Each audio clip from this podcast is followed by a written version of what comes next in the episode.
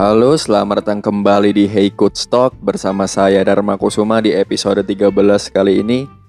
Dan kali ini seperti biasa, Hey Coach Talk selalu kedatangan tamu spesial dan kali ini tamunya sangat spesial ya bisa dibilang karena kita mendatangi lebih tepatnya di karena di judul sudah kalian lihat lah para pendengar Hey Coach Podcast ini yaitu membahas tentang akademi sepak bola. Di sini sudah ada Pak Zul Pak Zul Zulkifli direktur operasional dari AK Aji. Santo, Hah? Asifa, Asifa singkatnya Aji Santoso International Football Academy, benar ya Pak? Iya. Oke, nah pada kali ini pertama-tama ini nih Pak, kabarnya bagaimana Pak? Kabar alhamdulillah sehat selalu. Tadi pagi-pagi sempat hektik ya Pak? iya, hektik juga pagi-pagi sampai lupa ternyata jam 9 cepet banget. Jadi kalau di tengah pandemi ini kita ngomong apa kabar sehat itu udah nggak basa-basi lagi Pak. Iya, benar-benar harus dikonfirm ya sehat apa enggak. ya. iya, tapi kalau ngomongin soal pandemi sendiri, di Asifa sendiri kegiatan di tengah pandemi ini lancar terus ya Pak? Hmm, yang pertama-tama kita ucapkan puja-puji syukur ya kehadiran Hmm. Tuhan Yang Maha Esa karena sampai dengan hari ini kami keluarga besar Asifa masih diberikan kesehatan lahir dan batin Mm-mm. dan masih bisa menjalani aktivitas layaknya kita sebelum pandemi dengan protokol kesehatan yang ketat. Iya. Jadi kami keluarga besar Asifa sampai dengan hari ini masih oke, masih tetap running seperti biasa dan pendekatan manajemen Asifa sendiri terhadap uh, pandemi ini melakukan pende- pendekatan yang sesuai dengan standar uh, protokol kesehatan ya. Namun kami selalu memberikan uh, edukasi kepada anak didik kita bahwa pandemi ini adalah uh, bencana global. Jadi nggak cuman Malang saja yang mengalami, nggak cuman Indonesia tapi juga internasional. Bener. Karena udah menjadi isu internasional ya tentu semuanya harus aware terhadap uh, situasi ini.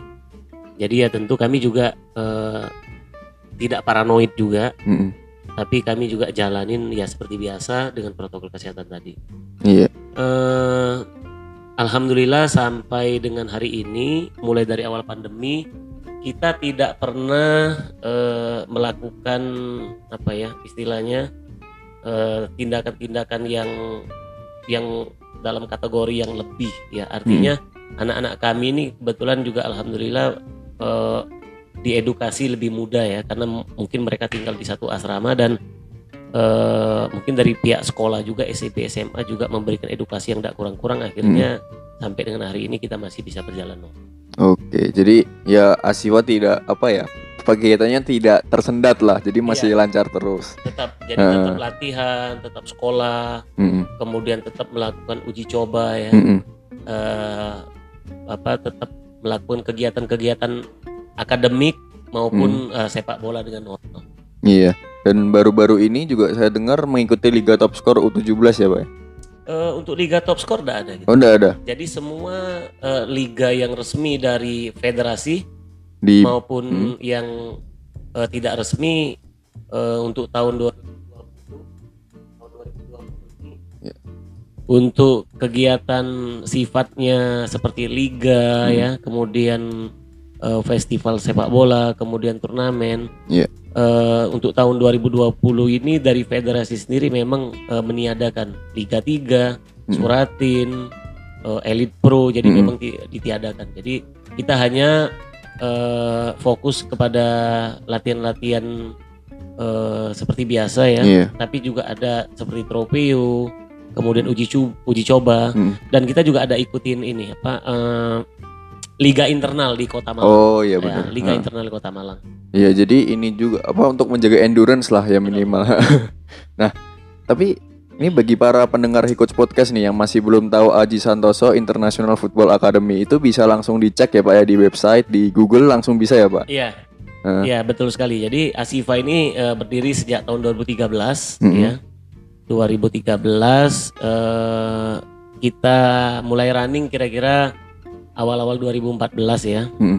Nah, jadi sampai dengan hari ini alhamdulillah kita udah masuk tahun ketujuh ya. Dan eh, kita juga eh, bisa di kalau mau cek bisa di website kita bisa di IG kita juga ada banyak informasi yang terkait dengan Asifa dan perkembangan Asifa. Mm-mm. Kalau masalah jumlah siswa juga cukup banyak. Iya. Siswa di Asifa sekarang ini sudah yang sekarang tinggal di asrama aja sekarang kira-kira hampir 150 ya Waduh, dari berbagai kelompok umur. Jadi mulai dari umur 12 tahun sampai masuk SMP Mm-mm. sampai dengan eh, anak-anak udah mau mas, apa eh, mau masuk kuliah. Mm-mm. Dan kita pun juga dengan salah satu universitas di Malang ini dengan UMM Mm-mm. juga ada kerjasama. Iya. Oke. ha. Kita dengan Fakultas Hukum kerjasama. Jadi untuk anak-anak Asifa yang eh, ingin melanjutkan ke jenjang perguruan tinggi bisa eh, sekolah atau bisa melanjutkan kuliah di UMM di Fakultas Hukum. Hmm. Oh jadi memiliki ini ya jalur prestasi bisa dibilang atau jalur Iya, kerjasama lah. jalur khusus, jalur Ah, khusus. jalur khusus, Jadi oke. untuk khusus untuk anak-anak Asifa Mm-mm. eh, kita juga bisa salurkan kalau untuk yang mau melanjutkan kuliah di UMM. Iya benar. Nah, tapi kalau bagi ini nih, para pendengar Hikots Podcast yang mungkin ingin gabung dengan Asifa, apakah ada syarat pendaftarannya atau bagaimana nih, Pak? Yang jelas yang pertama anak itu memang bisa main bola. Iya. Karena ini sifatnya akademi dan eh, sistem sekolah di kita adalah boarding school, anak-anak berarti harus tinggal di sini, Hmm. harus tinggal di asrama, bergabung dengan anak-anak yang dari Sabang sampai Merauke dari berbagai kelompok usia, dari latar belakang yang berbeda-beda. Hmm. Tentu ini tidak mudah tapi asik ya. Iya. Kenapa? Karena dari berbagai daerah dengan latar belakang budaya sosial yang berbeda-beda, tentu ini merupakan eh, menurut saya merupakan apa ya challenging ya buat anak-anak. Eh, bagaimana dengan dia masih di umur yang masih muda tapi udah ibaratnya bisa merantau ya, Mm-mm. merantau di satu daerah. Karena di sini banyak siswa kita dari luar pulau, dari luar kota, luar Iya. pulau. Heeh. Eh, jadi eh, ya menarik lah, menarik. Mm-mm. Dan ini juga merupakan connecting nantinya Hmm. untuk eh, pa- pada saat nanti dia dewasa kan mereka punya teman dari Sabang sampai. Merauke. Hmm. Gitu. Kalau syarat-syarat khusus selain dia bisa main bola tentu ada syarat-syarat administratif yang lainnya ya. Mm. Eh, syarat-syarat seperti yang misal eh, sekolah juga Mm. Karena ini juga eh, terintegrasi dengan sekolah formal jadi kami juga eh, apa mengkemas Asifa ini segala sesuatu yang menjadi terintegrasi jadi Iya. nggak cuma sepak bola tapi non sepak bolanya kita juga sangat eh, sangat tonjolkan Mm. jadi ada ada pelajaran eh, Formal. ngaji ya Ah. ngaji ya yang non formal itu ngaji Mm. kemudian bahasa Inggris, kemudian eh, banyak hal lah di sini Hmm. yang bisa di bisa di encourage oleh orang tua dan siswa Iya. kalau nanti benar-benar anak tersebut ada di asrama ya. Mm. Jadi sepak bola iya, tapi non sepak bolanya kita juga perkuat. Oke. Karena banyak kasus di luar sana eh, sepak bolanya eh, oke, tapi banyak hal yang di luar sepak bola yang terbengkalai itu yang yang coba Hmm. kami eh, coba kami apa ya perkuat Mm-mm. ya perkuat. Jadi nggak bisa kita melahirkan eh, pesepak bola yang tangguh kalau yang hal-hal yang menunjang untuk sepak bolanya itu eh, tidak diperkuat. Oke, iya. Jadi itu ya eh, sangat lengkap dari penjelasan dari Pak Zul dan apabila para pendengar Hikots Podcast nih ingin daftar bisa langsung dicek aja ya Pak di websitenya Asifa. Iya, iya. Bisa langsung daftar aja. Mm-mm. Ada seleksinya tapi. Iya. Nah, seleksi itu tujuannya gini untuk Heeh. eh, untuk mm, apa ya? Untuk melihat kemampuan anak itu secara teknis sepak bola. Mm-mm, benar. Jadi kita lihat eh, teknis teknis sepak bolanya bagaimana karena Mm. di Asifa ini juga eh, ada yang suka bertanya gini, Pak itu di Asifa tuh apakah ada jalur khusus? Maksudnya itu ada nggak jalur prestasi? Hmm. Kita jawab ada. Ada. Jadi untuk anak-anak yang punya kemampuan talented banget dalam Mhm. hal sepak bola, ya tentu juga terkait masalah administrasi, pembayaran administrasi kita sangat perjuangkan. Artinya Oh bisa iya. aja seorang anak tersebut karena dia eh, kemampuan sepak bolanya tinggi, bisa Hmm. aja kita free kan. Oh iya iya. Jadi menerima istilahnya beasiswa ya. Ah, beasiswa. Ah, Nah, tapi tadi juga saya di sini menunggu pun Pak, nih sangat banyak ya murid-murid yang lalu lalang. Oke, jadi kita tapi kita intermezzo dulu nih Pak. Iya, iya. Untuk Pak Zul sendiri secara pribadi, pengalaman emosional dengan sepak bola. Kira-kira dulu match apa pertandingan pertama kali yang Pak Zul tonton itu apa? Dan apa yang membuat Pak Zul jatuh cinta nih dengan sepak bola? Hmm, saya ini kan besar di kampung ya. Hmm. Jadi saya ini asli dari Palembang, Oh, mungkin lebih Palembang. tepatnya lagi di da- daerah lah di kecamatan. Jadi dua jam lagi dari kota Palembang. Nah, tentu di sana kan fasilitas minim ya, lapangan Hmm. sepak bola minim, kegiatan-kegiatan sepak bola ter- ter- tergolong minim lah. Hmm. Nah, tapi saya sejak umur 16 tahun saya sudah merantau ke Pulau Jawa ya ke, Hmm. ke daerah Pamulang situ, daerah Tangerang. Tangerang. Nah, saya mulai main bola situ. Hmm. Mulai walaupun standar main sepak bola saya itu tetap sepak bola kampung Iya. ya. Tapi saya mencintai sepak bola itu. Eh, Hmm. Artinya mulai dari nonton, baca gitu ya. Mendengar informasi terkait sama sepak bola itu saya suka. Hmm. Nah, saya mm, sejak umur 16 tahun itu Hmm. karena itu eh, eh, apa tahun 96 eh, tahun 96 saya ke eh, apa mulai tinggal di Pamulang tepatnya pada waktu itu ada di eh, Piala Eropa ya yang Jerman juara Oh ya, Euro. tahun 96 ya Euro 96 itu. Nah, tapi kalau soal klub dulu awal-awalnya saya sangat gemar sama AC Milan. Nah, AC Milan. Ah, AC Milan, AC Milan. AC Milan zaman-zamannya si apa ya? Sebelum Shevchenko lah, Iya, strikernya ha. masih George Weah, masih siapa gitu. Hmm. Nah, tapi dari pengalaman saya nonton sepak bola dunia gitu ya. Hmm. Tapi tetap yang paling tegang nonton kalau anak-anak Asifa bermain. Karena yang ditonton kan anak sendiri Iya. ya. Feel-nya lebih dapat. Iya, pilih lebih dapat. nonton Piala Dunia, eh, Liga Champion, kemudian Eh. antar klub gitu ya. Enggak seberapa tegang dibandingkan kalau nonton anak-anak Asifa yang bermain. Heeh. Jadi ikatan emosionalnya Iya, lebih iya, ke iya, Asifa iya, ya. iya. Jadi kalau ditanya mana yang lebih emosional ya pada saat nonton anak-anak Asifa ya. Heeh. Oh iya iya. Eh, Tapi kalau ini Pak, pemain favorit sendiri, apakah ada kalau pemain favorit? eh, kalau dunia saya suka Messi. Oh iya Messi. jelas. mainstream lah, Ah. mainstream Messi.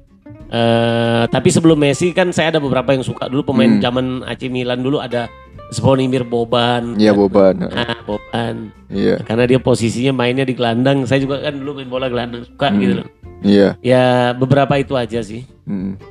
Oke, jadi ini ya apa namanya? eh, pengalaman bolanya tadi udah diceritakan juga Nah, dan kalau pemain lokal ya. Oh iya, lokal. ya kan, Ah. bertanya ya. lokal.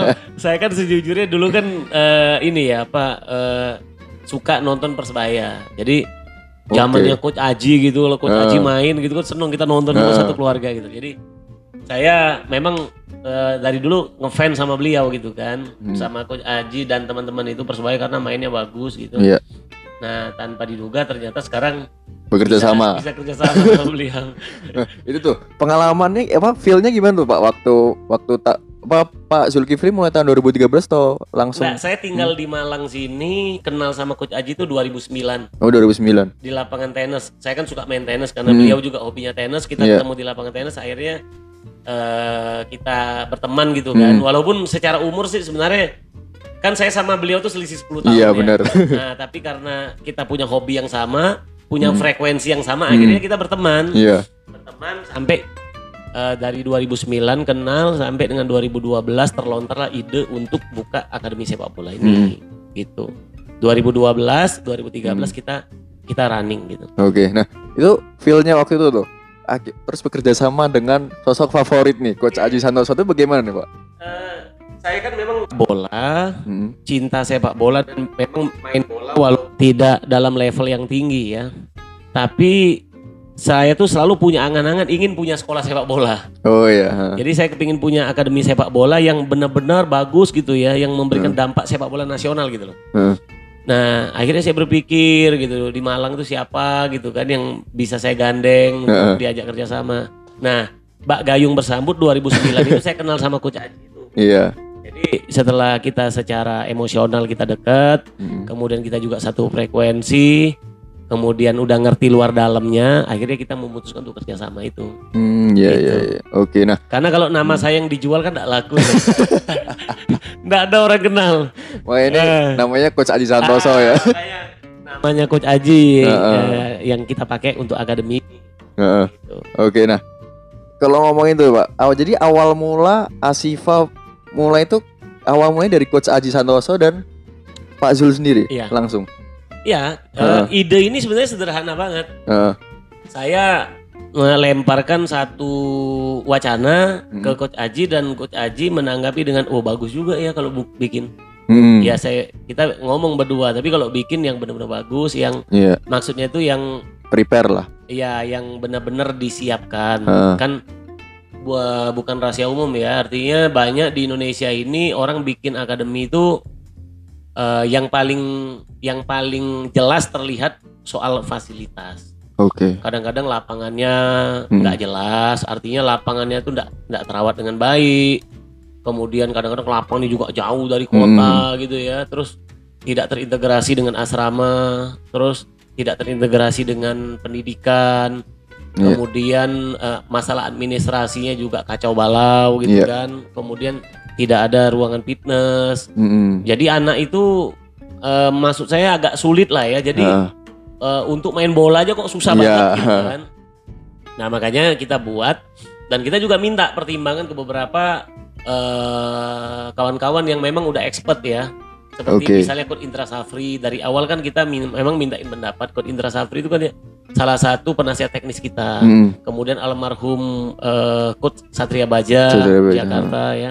Kita mintain pendapat dan alhamdulillah Mm-mm. eh, akhirnya kita juga dibantu oleh pemerintah Kota Malang Iya. yang waktu itu wali kotanya Pak Penny. Pak Men. Mm. Nah, beliau juga sangat support kita. Akhirnya kita juga dibantu eh, oleh masyarakat di sekitar sini ya. Karena Hmm. lapangan ini dulu dipakai oleh 19 RW di Hmm. Kelurahan Mojolangu.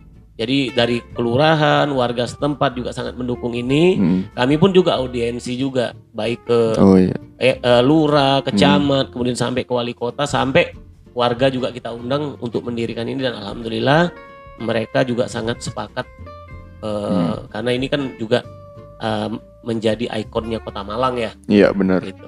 Dan apalagi Kota Malang sendiri kan sangat kental lah dengan sepak bola. Salah Ah. satu tolok ukur sepak bola nasional ya, Pak. Ah benar benar benar. Eh, Oke, nah tapi dari tujuannya sendiri saya pernah membaca tujuan dari Asifa itu kalau tidak salah ini nih Pak, mencetak pemain sepak bola berkualitas, profesional, berprestasi dan menjunjung tinggi sportivitas di dalam maupun di luar lapangan. Apakah betul tuh? Iya betul. Ah. Jadi eh, misi kita kan itu ya. Jadi Hmm. eh, visi kita kan terkait dalam hal mendirikan Asifa ini kan Hmm. mencetak pemain yang berkualitas secepat dan sebanyak mungkin Hmm. kan. Ini kan memang tidak mudah ya. Artinya eh, kalau kita eh, runut lagi ke belakang bahwa menjadi pemain sepak bola profesional ini kan cita-cita bersama dari Benar. seorang anak, Hmm. orang tua dan tentu manajemen Asifa kan. Mm-mm. Jadi tiga peranan ini ya sangat sangat eh, tidak bisa diabaikan satu sama Benar. lain sangat Ah. sangat eh, punya keterkaitan. Jadi anak anak tersebut atau siswa ini dia ingin menjadi pemain sepak bola profesional kan tentu harus didorong ya, Iya. didorong diberikan fasilitas yang bagus, Hmm. eh, dikasih metode latihan yang benar, eh, kemudian pola makan yang bagus, pola hidup, pola istirahat gitu kan. Hmm. Nah tentu ini kan ada biaya ya, ada Iya. biaya Hmm. yang mana eh, orang tua juga harus memaklumin ini karena Iya. tentu kayak seperti di Asifa ini kan operasional kan cukup besar ya. Mm-mm. Kita punya termasuk guru SMP, SMA gitu ya, kemudian karyawan, pelatih segala macam itu hampir eh, 75 Mm-mm. tenaga yang kita bayar setiap bulannya. Tentu Iya. ini kan eh, ada hal yang yang tidak bisa dinafikan Benar. masalah logistik ini kan. Nah, karena ini cita-cita bersama ya harus kita dukung. Semua Hmm. stakeholder harus terlibat dan harus bersatu padu untuk bergerak maju dan pada endingnya anak tersebut bisa jadi pemain eh, sepak bola profesional. Kita Iya. akuin memang ada beberapa hal yang memang masih perlu diperbaiki, Benar. tapi kita tahu persoalan dan karena kita tahu persoalan ya kita tahu cara memperbaikinya. Iya. Ya. Eh, sepak bola kita insya Allah makin lama makin baik Benar. Eh, sepak bola secara keseluruhan maksudnya tapi tentu eh, tentu ini juga ya apa ya butuh kerja keras ya Benar. terutama dari federasi kemudian dari klub kemudian Hmm. dari masyarakat juga dan tentunya juga dari akademi seperti Asifa ini Iya. gitu Dan tentunya untuk menciptakan pemain yang pro dan akademi yang bagus butuh ini ya Pak pengorbanan dan kerjasama tadi da- antara stakeholder dengan semuanya ya Pak. iya ya? nggak cuman logistik ya artinya Hmm. nggak cuman modal tapi juga memang ada willingness ada kemauan Iya benar. saya yakin ada banyak orang di luar sana yang bisa membangun akademi lebih dari Asifa ini Mm-mm. tapi saya rasa untuk benar-benar mengorganize ya menjalankan hari demi harinya itu tidak mudah Iya benar. karena yang kita kelola ini adalah manusia anak dengan eh, usia yang kurang lebih sama dan jangan lupa ini seorang atlet yang butuh penanganan Iya khusus benar.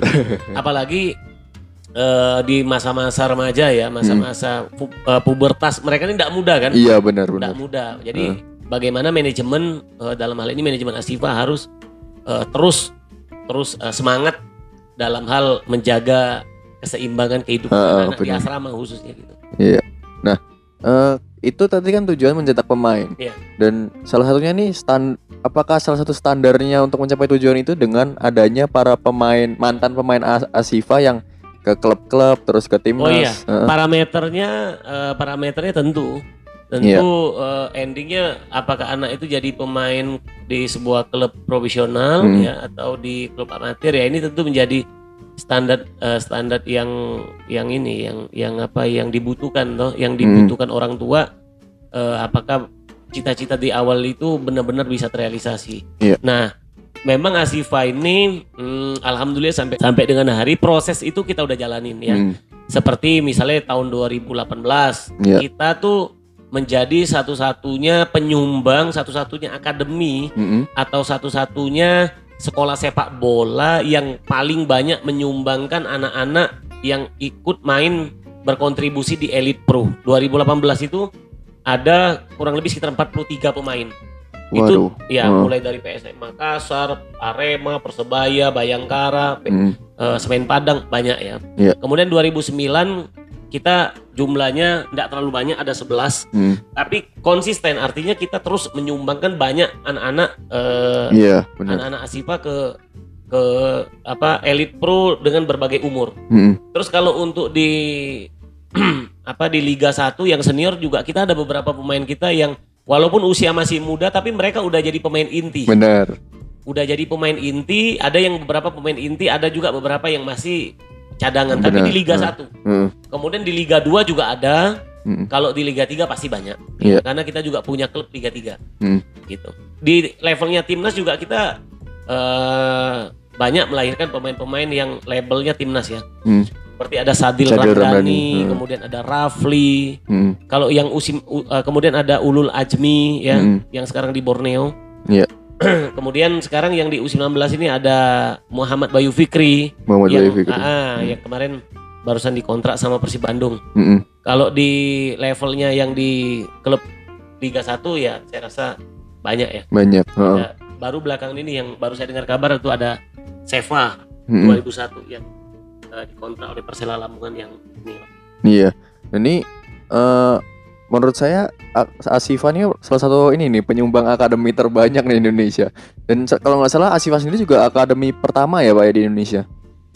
Atau Eh, hmm? Sebenarnya kalau akademi yang akademi yang terintegrasi dengan pendidikan Hmm. dengan fasilitas seperti ini iya. Iya. Tapi kan sebenarnya pemerintah sendiri kan sudah punya program itu. oh iya benar. Heeh. Ada PPLP ya, kemudian ada Diklat Ragunan. Hmm. Pemerintah kita sebenarnya sudah ada. Iya. Cuman mungkin kurang masif Ya. ya. Jadi dalam kesempatan ini sebenarnya eh, kita juga mendorong ya, Hmm. mendorong Kementerian Olahraga gitu, Kementerian Pemuda Olahraga itu benar-benar harus fokus karena sepak bola menurut saya tetap tetap eh, apa ya istilahnya itu tetap berbeda dengan olahraga lainnya. Benar. Ini olahraga kolektif, olahraga masyarakat yang pendukungnya dan pecintanya banyak sekali. Hmm. Nah, tentu juga penanganan juga menurut saya memang harus selain benar-benar harus khusus dan pemerintah benar-benar hadir Iya. ya. Harus hadir. Eh, ini yang paling sederhana aja misalnya gini.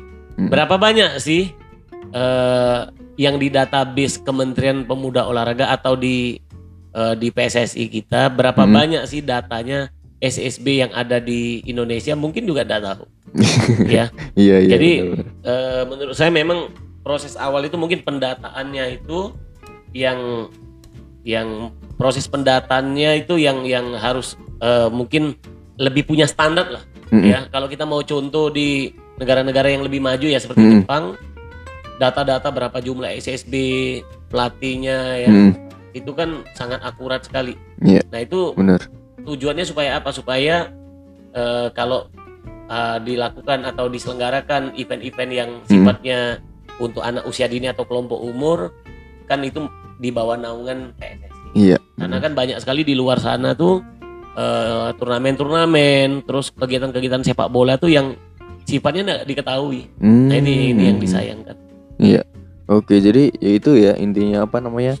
Eh Asifa juga salah satu penyumbang akademi terus ya tadi beberapa dijabarkan oleh Iya. Pak Zul. Nah, tapi ini Pak, para pendengar Coach Podcast nih yang pengen tahu apa daftar pemain di Elite Pro 2019 ini siapa aja nih Pak? Mungkin ada yang mendengarkan nih. pemainnya?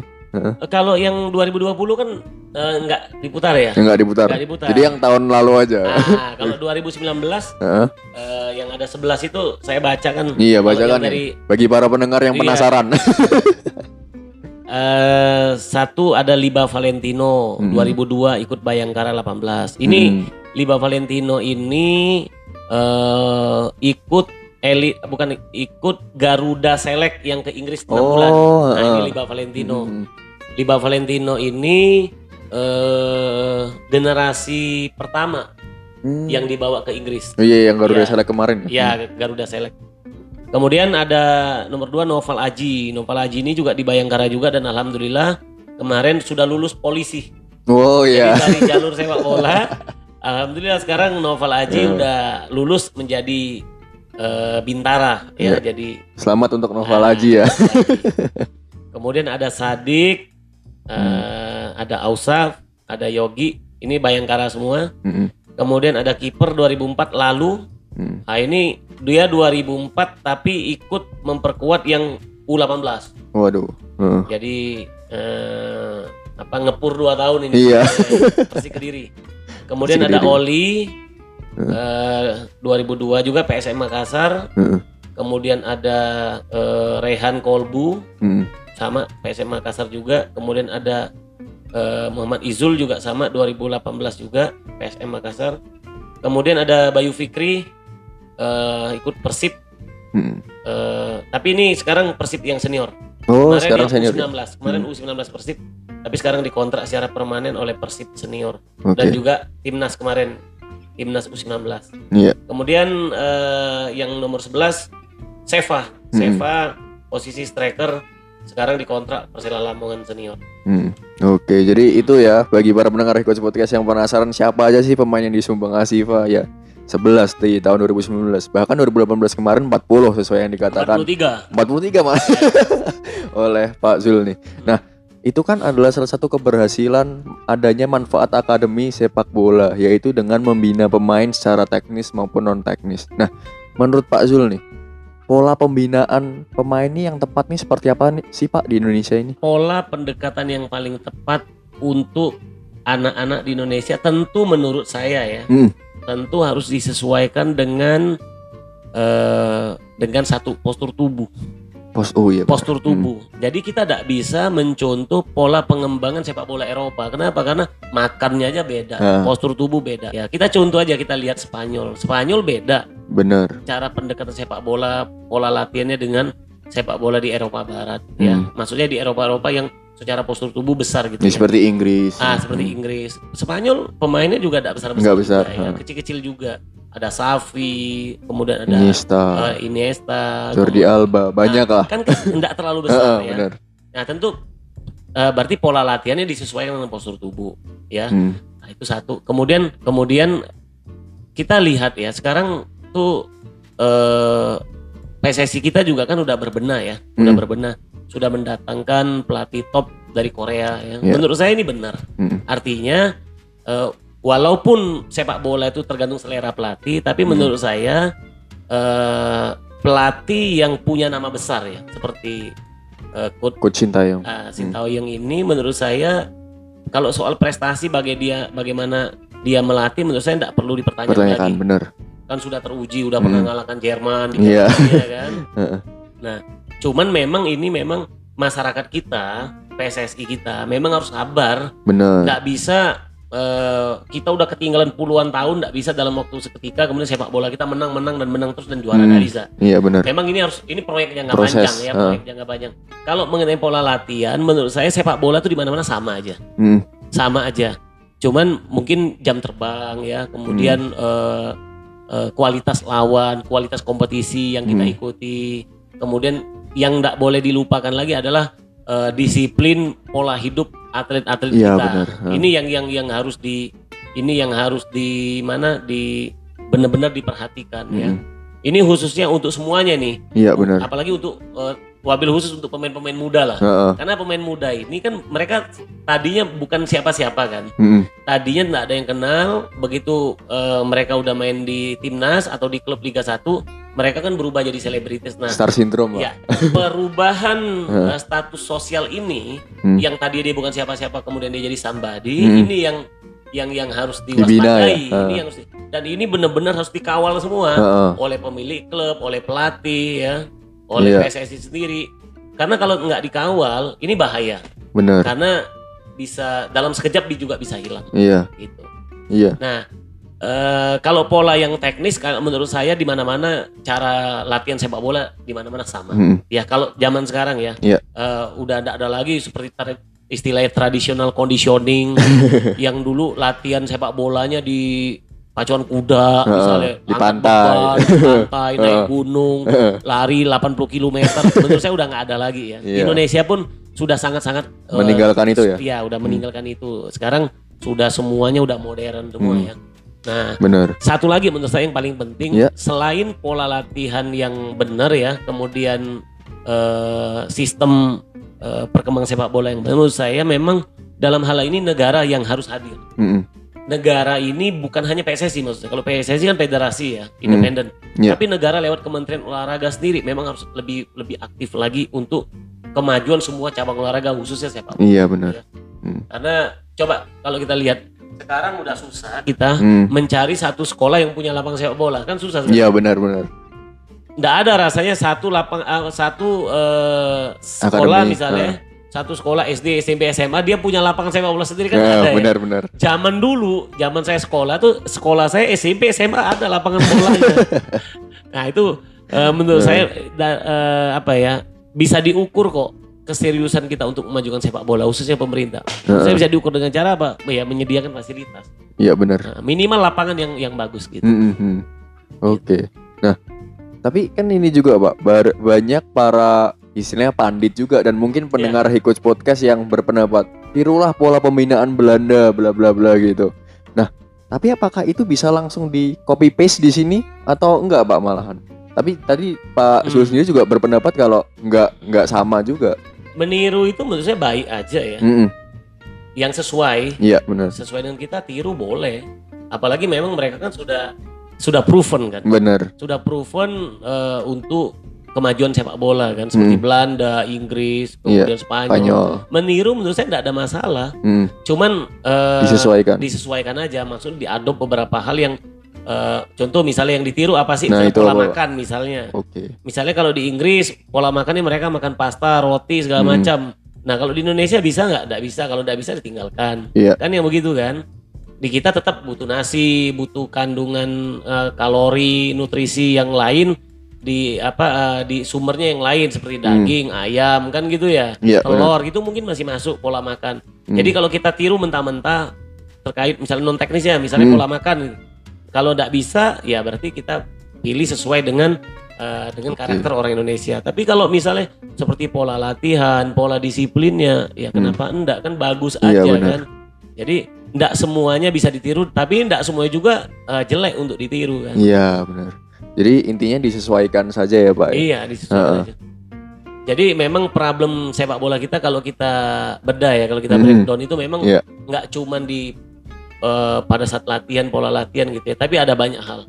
Menurut saya banyak hal yang yang perlu ada perbaikan, ada improvement untuk memajukan sepak bola kita ini. Baik eh, hal yang sederhana aja, misalnya dari sisi eh, apply untuk license pelatih misalnya. Oke. License menarik, pelatih ini kan sulit nih. Oh, sulit Artinya ya, Pak? belakangan dulu 5-6 tahun terakhir itu sulit. Belakangan ini saya lihat udah bagus. Mm. Ya, udah cukup masif. Banyak latihan apa eh, pelatihan-pelatihan untuk para pelatih. Ini penting kenapa? Karena supaya pelatih-pelatih kita nggak ketinggalan. Oh iya. Ut- Bayangkan kalau pelatihnya ketinggalan dari ilmu sepak bola ketika dia melatih di SSB atau akademi, Mm. ketika pelatih itu salah eh, melakukan pola latihan, maka kesalahan anak tersebut menjadi Jangka Ini- panjang ya malahan. menjadi kesalahan seumur hidup. Hmm, ya. menjadi kesalahan benar. anak itu seumur hidup dan itu tidak bisa diperbaiki.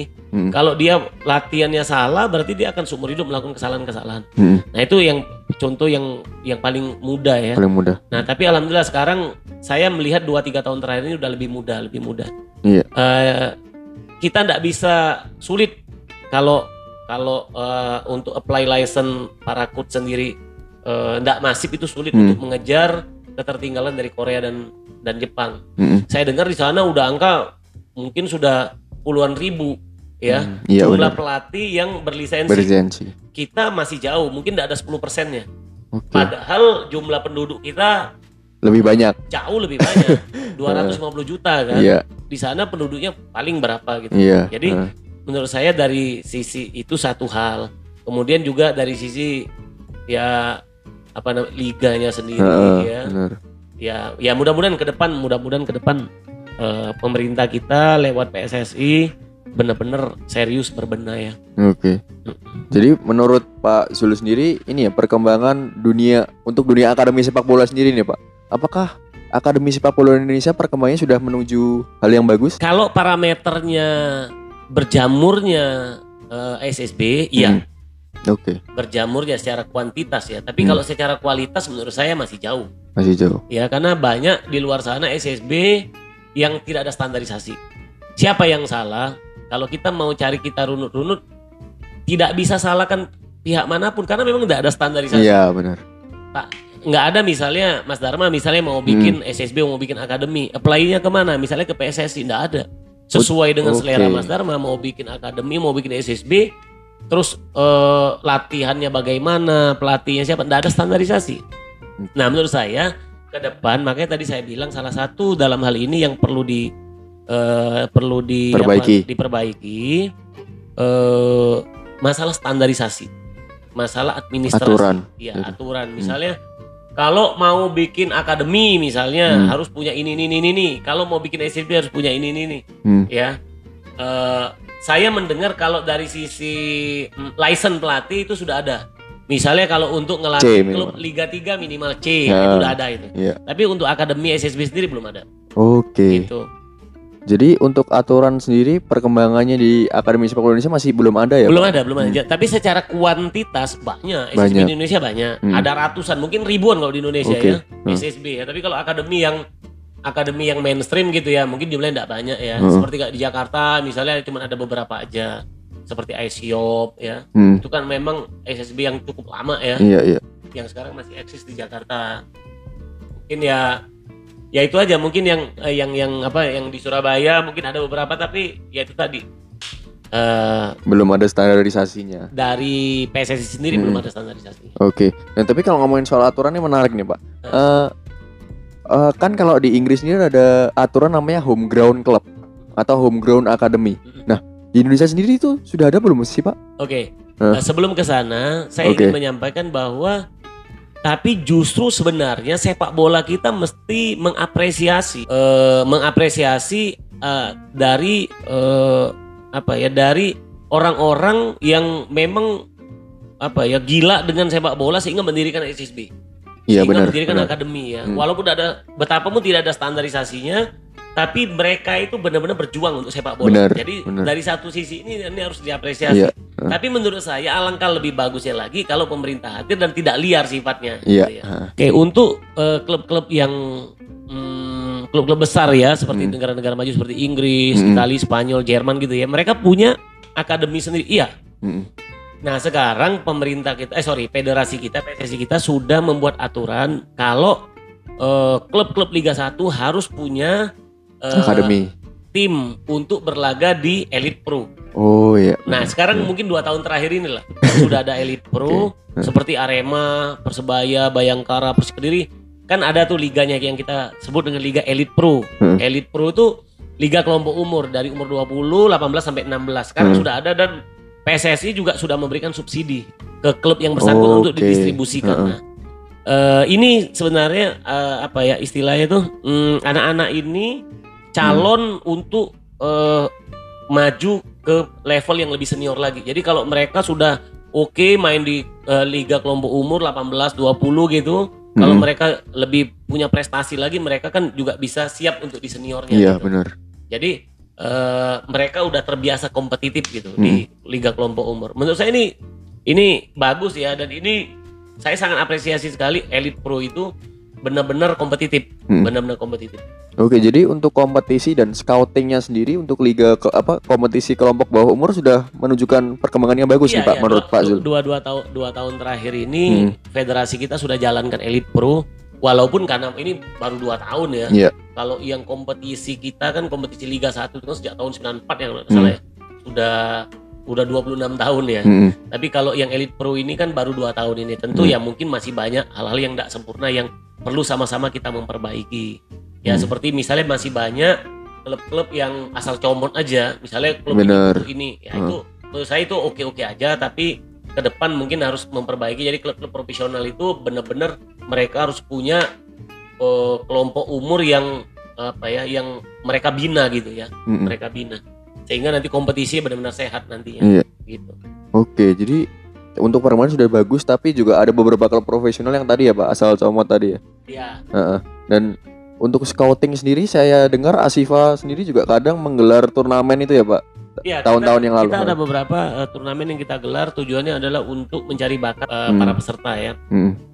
Kemarin 2019 kita bikin Malang Cup. Malang ya. Cup. Mm. Ya, kita eh, tuan rumahnya di di kita ya di Asifa Mm.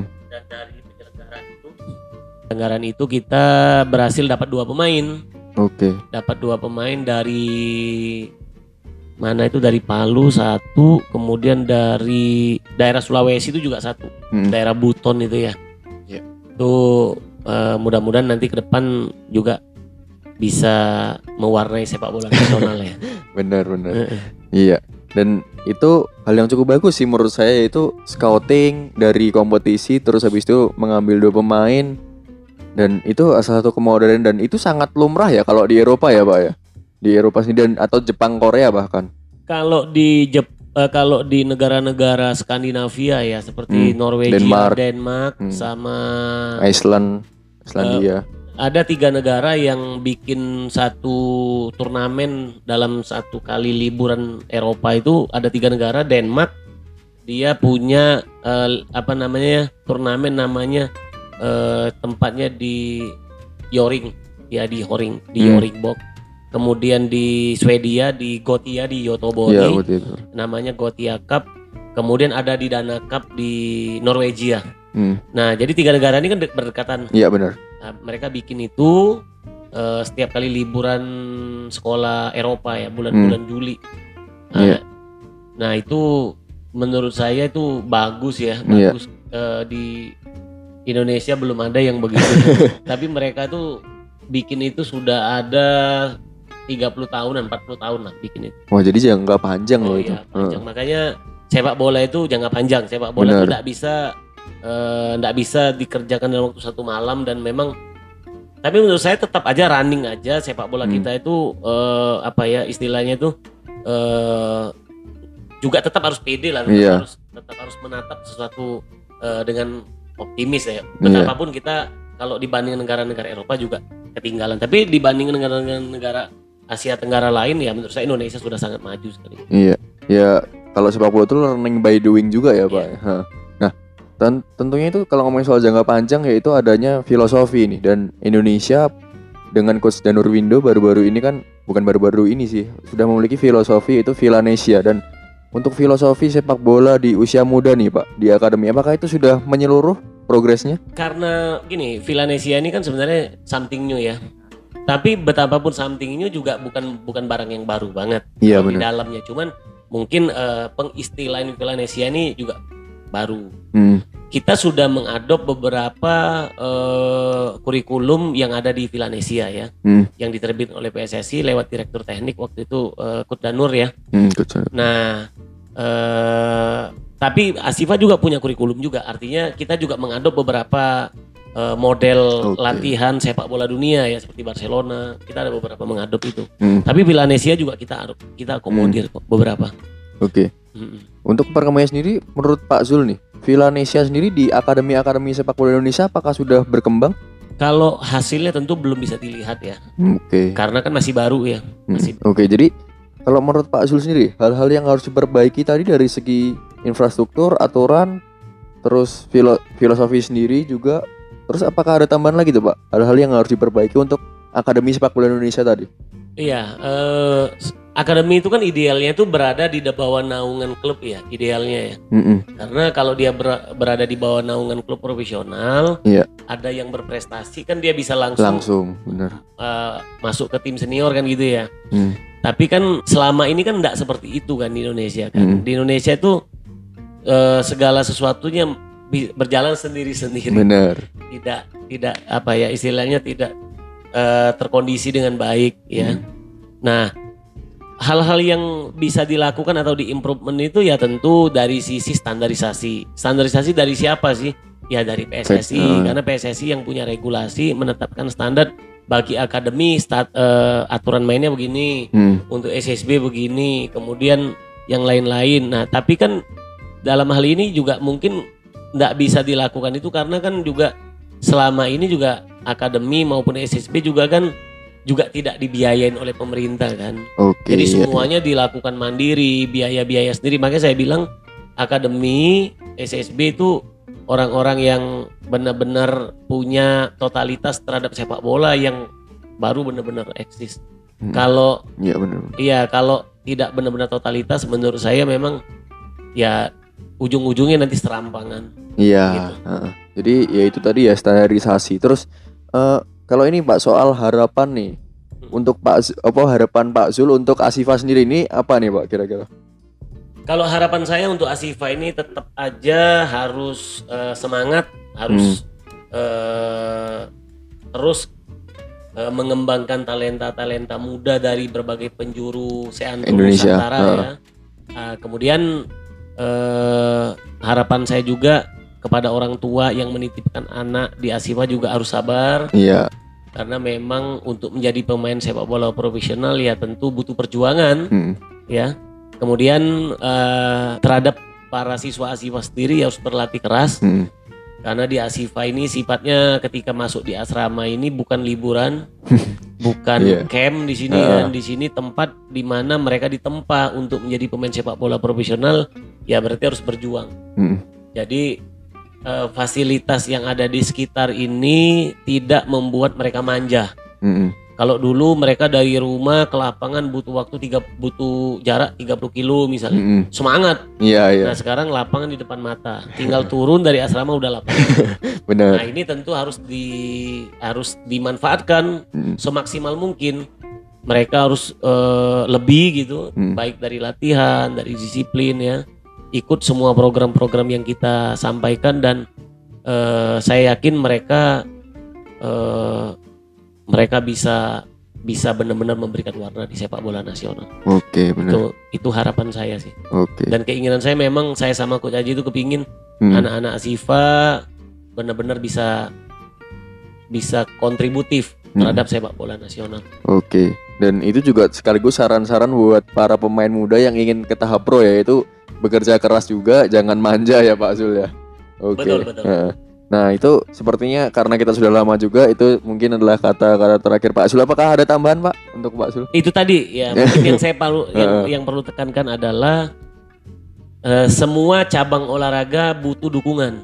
Hmm. Semua cabang olahraga butuh negara harus hadir di sana untuk memastikan perkembangannya benar-benar running well.